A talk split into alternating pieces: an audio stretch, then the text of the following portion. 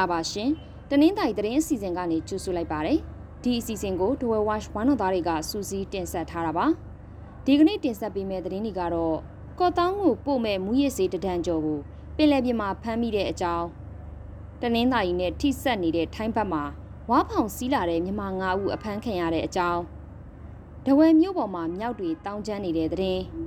ထိုင်းမြန်မာနယ်စပ်မှာအတက်ယောဂတဲ့ကလေးငယ်တဦးရေနှစ်သေဆုံးခဲ့တဲ့အကြောင်း စစ်ကောင်စီတပ်ရှိနေလို့ကြံမျိုးဒေသခံတွေနေရက်မပြန်ရဲသေးတဲ့အခြေအနေ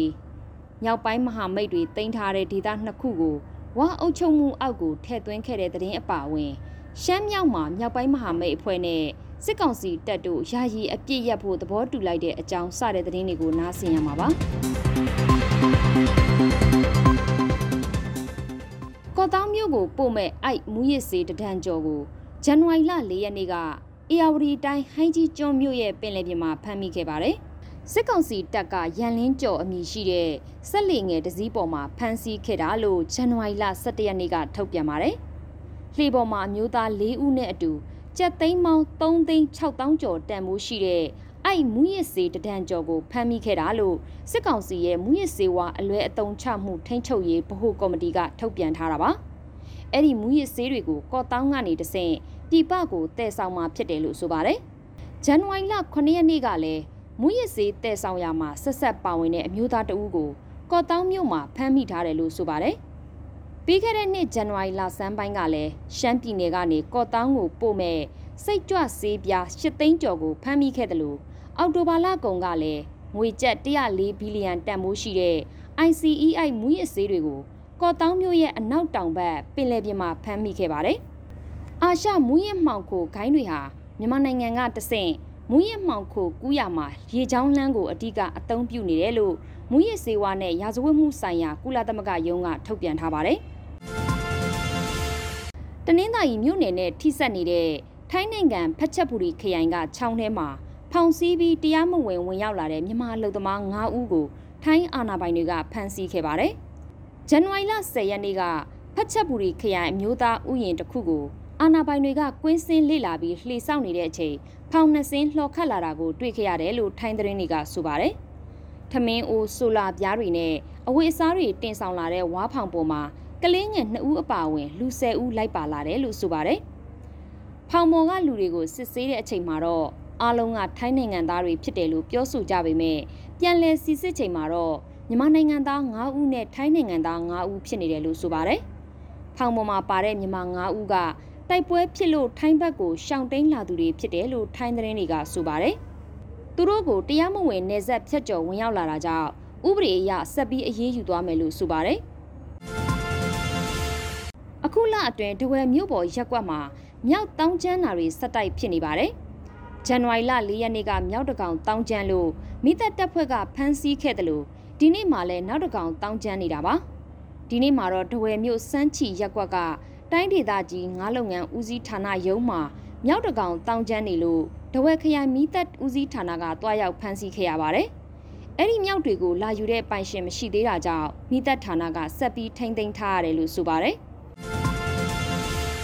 မြန်မာနိုင်ငံနယ်စပ်ပါချံမြစ်ထဲမှာကလေးငယ်တူမနေ့ကရေနစ်သေဆုံးသွားပါတယ်။ကော့တောင်းမြို့ရှိပြည်သားရက်ကွက်အရှိဖက်ဘဝကျောင်းမှာအသက်ယောဂအခန့်ရှိတဲ့ကလေးငယ်တူရေနစ်သေဆုံးခဲ့တာပါ။ အသက်17နှစ်အရွယ်ရှိတဲ့အဲ့ဒီကလေးငယ်ဟာဘဝကျွန်းရဲ့ကနန်းမွေးတဲ့ကန်ထဲမှာရေကူးကစားနေချိန်ရေနစ်သေဆုံးခဲ့တာလို့ဆိုပါတယ်။မွန်ပြည်နယ်ကြံမျိုးမြို့နယ်ထဲကရွာအချို့မှာစစ်ကောင်စီတပ်ကဝင်ရောက်တပ်ဆွဲထားတာကြောင့်ဒေသခံတွေနေရက်မပြန်ရဲပဲဖြစ်နေကြပါတယ်။ချောင်းနှစ်ခွတောင်ကလေးနဲ့အနီးနားတဝိုက်မှာရှိတဲ့ကျေးရွာတွေမှာစစ်ကောင်စီတပ်ကဝင်ရောက်တပ်ဆွဲထားတာပါ။ပြီးခဲ့တဲ့နှစ်ကုန်ပိုင်းကချောင်းနှစ်ခွကျေးရွာဘက်မှာ စစ်ကောင်စီတပ်နဲ့ကရင်အမျိုးသားလွတ်မြောက်ရေးတပ်မတော် KNL ပူးပေါင်းတပ်တို့တိုက်ပွဲတွေဖြစ်ပွားခဲ့ပါတယ်။ချောင်းနှခွကြေးရွာရဲစခန်းနဲ့ချောင်းနှခွရွာတရားဂိတ်ကို KNL ပူးပေါင်းတပ်ဖွဲ့ကဝင်ရောက်တိုက်ခိုက်ပြီးထိန်းချုပ်ထားလိုက်ပါတယ်။ဒီဇင်ဘာလနောက်ဆုံးအပတ်မှာတော့ချောင်းနှခွရွာဘက်ကိုထပ်ပြီးစစ်ကြောင်းထိုးလာတဲ့စစ်ကောင်စီတပ်နဲ့ KNL ပူးပေါင်းတပ်တို့တိုက်ပွဲထပ်ဖြစ်ခဲ့တာပါ။တိုက်ပွဲတွေကြောင့်ထွက်ပြေးတိမ်းရှောင်နေရတဲ့ချောင်းနှခွရွာနဲ့အနီးဝန်းကျင်ကြေးရွာကဒေသခံတွေဟာ စစ်ကောင်စီတပ်တွေရှိနေသေးတာကြောင့်တိုက်ပွဲတွေထပ်ဖြစ်မှာကိုစိုးရိမ်နေကြပါတယ်။စစ်ကောင်စီတပ်ကလေကြောင်းတိုက်ခိုက်တာလက်နက်ကြီးနဲ့ပစ်ခတ်တာတွေကြောင့်ချောင်းနှစ်ခွတောင်ကလေးအပါအဝင်ကျေးရွာ20ကျော်ကဒေသခံတောင်းချီဟာအိုးအိမ်စွန့်ခွာထွက်ပြေးနေကြရတာပါမြောက်ပိုင်းညီနောင်မဟာမိတ်၃ဖွဲ့ကတင်းယူထားတဲ့ဟိုပန်နဲ့ပန်လုံဒေသနှစ်ခုကိုဝါပြည်သွေးစည်းညီညွတ်ရေးတပ်မတော် UWSA ကလွှဲပြောင်းရယူလိုက်ပါတယ် ဝါလူမျိုးတို့ရဲ့မြို့တွေဖြစ်တဲ့ဟိုပန်နဲ့ပန်လုံမြို့ကို UWSA က34နှစ်အကြာမှာပြန်လည်ရရှိခဲ့တာလို့ထုတ်ပြန်ထားပါတယ်။2008ဖွဲ့စည်းပုံအခြေခံဥပဒေအရဝါကိုပိုင်အုပ်ချုပ်ခွင့်ရတိုင်းရဲ့မြို့တော်ဖြစ်တဲ့ဟိုပန်နဲ့ပန်လုံဒေသနှစ်ခုကိုညီနောင်မဟာမိတ်က UWSAC လွှဲပြောင်းတဲ့အခမ်းအနားကိုဟိုပန်မြို့တော်ခမ်းမမှာဇန်နဝါရီလ10ရက်ကကျင်းပခဲ့ပါတယ်။ ဟိုပန်နဲ့ပန်လုံမြို့ကိုညီနောင်မဟာမိတ်တပ်တွေဖြစ်တဲ့ MNDAA, TNLA နဲ့ AA တို့ကဇန်နဝါရီလ9ရက်နေ့မှာတိုက်ခိုက်သိမ်းပိုက်ခဲ့တာပါ။ဒီလိုတိုက်ခိုက်ချိန်ကစစ်ကောင်စီတပ်သား900လောက်ကလက်နက်ချခဲ့ပါတယ်။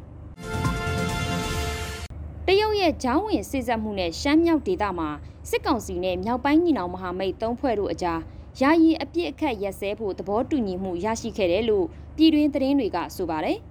စစ်ကောင်စီနဲ့မြောက်ပိုင်းမဟာမိတ်သုံးဖွဲ့ဟာတရုတ်နိုင်ငံကူမင်းမြို့မှာတတိယအကြိမ်အဖြစ်ဇန်နဝါရီလ9ရက်ကနေ17ရက်နေ့အထိတွေ့ဆုံဆွေးနွေးခဲ့ကြတယ်လို့ဆိုပါတယ်။ရှမ်းမြောက်ဒေသမှာနှစ်ဖက်တပ်တွေရောက်တဲ့နေရာမှာပဲအပြစ်ရက်ကြဖို့သဘောတူညီခဲ့ကြတာလို့ဆိုပါတယ်။မြောက်ပိုင်းမဟာမိတ်တပ်တွေကမြို့သိမ်းစခန်းသိမ်းတိုက်ပွဲတွေဆက်လက်မဖော်ဆောင်ဖို့သဘောတူခဲ့တယ်လို့စစ်ကောင်စီတပ်ကလည်းလက်နက်ကြီးနဲ့ပစ်ခတ်တာအပြင်လေကြောင်းကနေတိုက်ခိုက်တာတွေမလုပ်ဖို့သဘောတူခဲ့ကြတာပါ။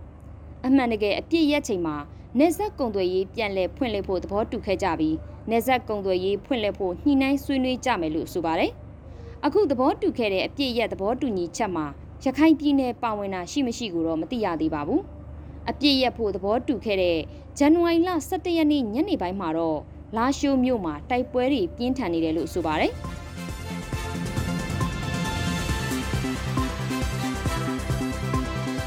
အခုလိုနားဆင်ပေးခဲ့တဲ့အတွက်ကျေးဇူးအထူးတင်ရှိပါတယ်မြန်မာနိုင်ငံသားများကပ်ဘေးအပေါင်းကနေအမြန်ဆုံးလွတ်မြောက်နိုင်ပါစေလို့ဒဝဲဝါရှ်ဝမ်းတော်သားများကစုမုံကောင်းတောင်းအပ်ပါတယ်ရှင်